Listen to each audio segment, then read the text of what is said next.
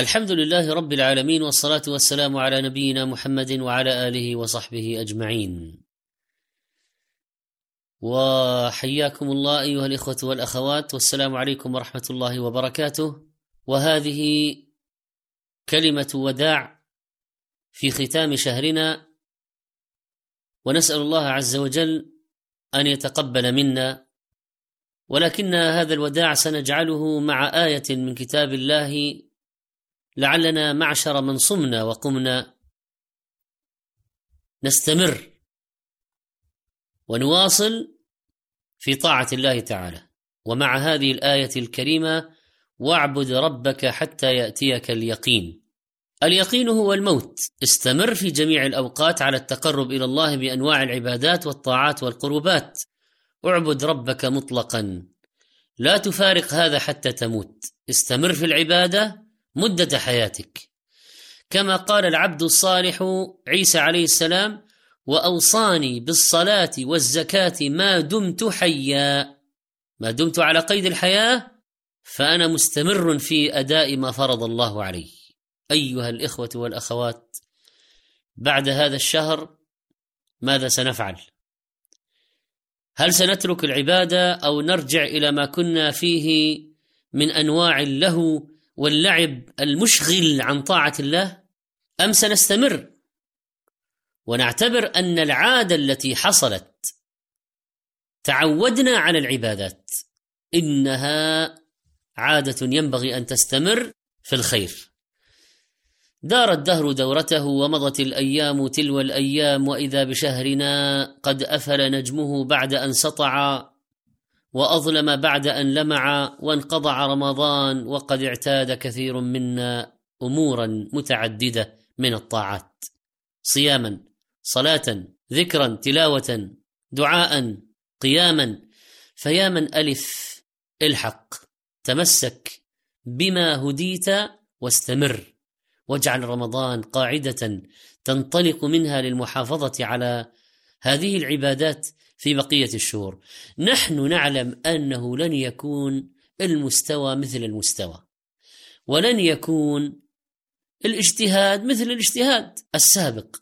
لكن نحذر من الانقطاع نحذر أنفسنا من قطع العمل. واصل مسيرتك وجد في الطلب. يا من صام لسانه يا من صامت عينه في رمضان عن النظر إلى المحرم. غض طرفك ما بقيت يورث الله قلبك حلاوة الإيمان ما حييت. يا من صامت اذنه في رمضان عن سماع ما يحرم وما يستقذر اتق الله ولا تعد.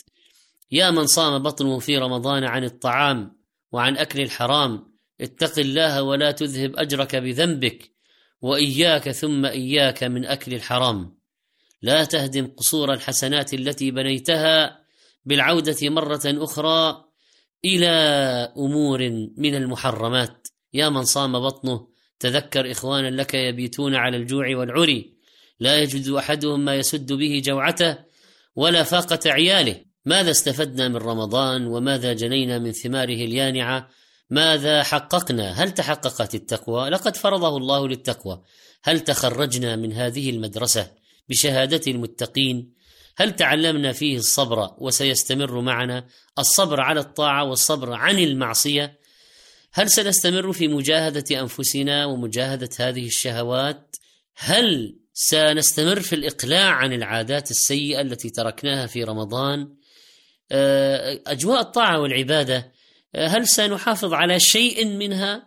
السلف كانوا إذا ودعوا رمضان يودعونه وهم في وجل لا يدرون. هل قبلت أعمالهم أم لم تقبل؟ هم في خوف. هل كانت خالصة أم دخلها العجب والرياء؟ يجتهدون في إكمال العمل وإتمامه وإتقانه ثم يهتمون بالقبول ويخافون من رده. والذين يؤتون ما آتوا وقلوبهم وجلة أنهم إلى ربهم راجعون. قالت عائشة رضي الله عنها يا رسول الله أهو الرجل يزني ويشرب الخمر؟ قال لا يا بنت الصديق ولكنه الرجل يصوم ويتصدق ويخاف أن لا يقبل منه. حديث صحيح. فلقد كانوا يحملون هم قبول العمل أكثر من العمل نفسه وكانوا يدعون الله أن يبلغهم رمضان ويدعون الله أن يقبل منهم بعد رمضان. قال الحسن رحمه الله إن المؤمن جمع إحسانا وشفقة وإن المنافق جمع إساءة وأمنا ثم تلا والذين يؤتون ما آتوا وقلوبهم وجلة أنهم إلى ربهم راجعون. المنافق ماذا قال؟ إنما أوتيت على علم عندي وهؤلاء ما حالهم؟ يؤتون ما آتوا وقلوبهم وجلة قال علي رضي الله عنه كونوا لقبول العمل أشد اهتماما من العمل. ألم تسمعوا قول الله عز وجل إنما يتقبل الله من المتقين سئل الإمام أحمد رحمه الله عن معنى المتقين في هذه الآية فقال يتقي الأشياء فلا يقع فيما لا يحل له.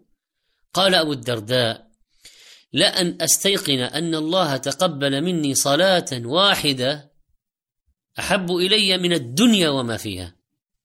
إن الله يقول إنما يتقبل الله من المتقين. دخل سائل على ابن عمر رضي الله عنه فقال لابنه أعطه دينارا فأعطاه. فلما انصرف قال لابنه تقبل الله منك يا أبتاه. فقال لو علمت أن الله تقبل مني سجدة واحدة أو صدقة درهم لم يكن غائب أحب إلي من الموت. تدري ممن يتقبل الله؟ إنما يتقبل الله من المتقين. هذا من تربية ابن عمر لابنه. فهو لم يغتر بهذه الكلمة التي قال لها ولده وهو يدعو له لكنه نبه ولده على ذلك الأمر المهم. كان بعض السلف يقول في آخر ليلة من رمضان يا ليت شعري من هذا المقبول فنهنيه ومن هذا المحروم فنعزيه. أيها المقبول هنيئا لك. أيها المردود جبر الله مصيبتك. واعبد ربك حتى يأتيك اليقين. يجب أيها الإخوة والأخوات أن نكون مستمرين على طاعة الله ثابتين على شرعه مستقيمين على دينه. لا نعبد الله في شهر دون شهر أو في مكان دون آخر. رب الشهور والأيام واحد. والآن بعد انتهاء رمضان يوجد نوافل. سبحان الله. هذه ست من شوال لتذكرك يا عبد الله أن الصيام لم ينقطع وأنه لا زال باقيا. الاثنين والخميس وعاشوراء وعرفة. وهكذا ثلاثة أيام من كل شهر. بعد انتهاء قيام رمضان قيام الليل لا زال سنة مؤكدة حث عليها النبي صلى الله عليه وسلم في كل ليلة. عليكم بقيام الليل فإنه دأب الصالحين قبلكم وهو قربة إلى ربكم. ومكفرة للسيئات ومنهاة للإثم رواه الترمذي وهو حديث حسن. النبي صلى الله عليه وسلم حافظ على قيام الليل ولم يتركه سفرا ولا حضرا وهو الذي غفر الله له ما تقدم من ذنبه وما تأخر. عائشة تقول لا تدع قيام الليل فإن رسول الله صلى الله عليه وسلم كان لا يدعه وكان إذا مرض أو كسل صلى قاعدا. رواه أبو داود وهو حديث صحيح. الله الله في الاستقامة أيها الإخوة والأخوات. الله الله في الاستقامة أيها الأبناء والبنات. الله الله في الاستقامة أيها الأزواج والزوجات. لا ندري متى يلقانا ملك الموت فلنحذر أن يأتينا ونحن على معصية. إيهن أيتها النفس كنت في صلاة وقيام وتلاوة وصيام وذكر ودعاء وصدقة. ها أنت أخرجت زكاة الفطر قبل صلاة العيد والتزمت بالوقت. أفلا تواظبين بعد ذلك على طاعات وعبادات؟ للذي ذاق حلاوة الإيمان ألا تريد أن تستمر هذه الحلاوة؟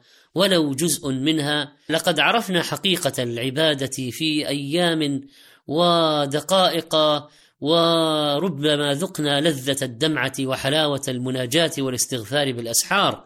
أفلا نستمر على التقلب في عمل الخير وأبوابه قبل أن يقول القائل يا ليتني مت على هذه الحال.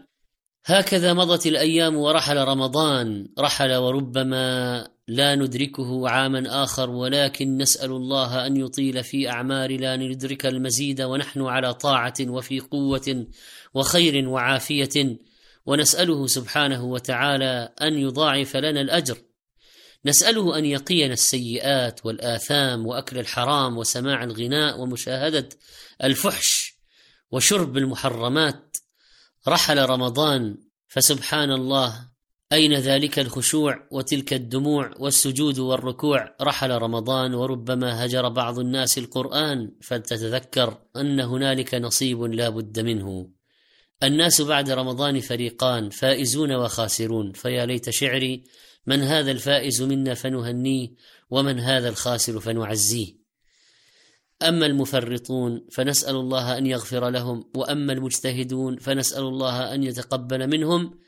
اللهم إنا نسألك فعل الخيرات وترك المنكرات وحب المساكين وإذا أردت بعبادك فتنة فاقبضنا إليك غير مفتونين.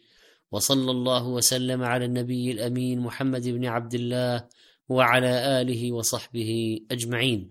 كنتم مع آيات للصائمين لفضيلة الشيخ محمد صالح المنجد.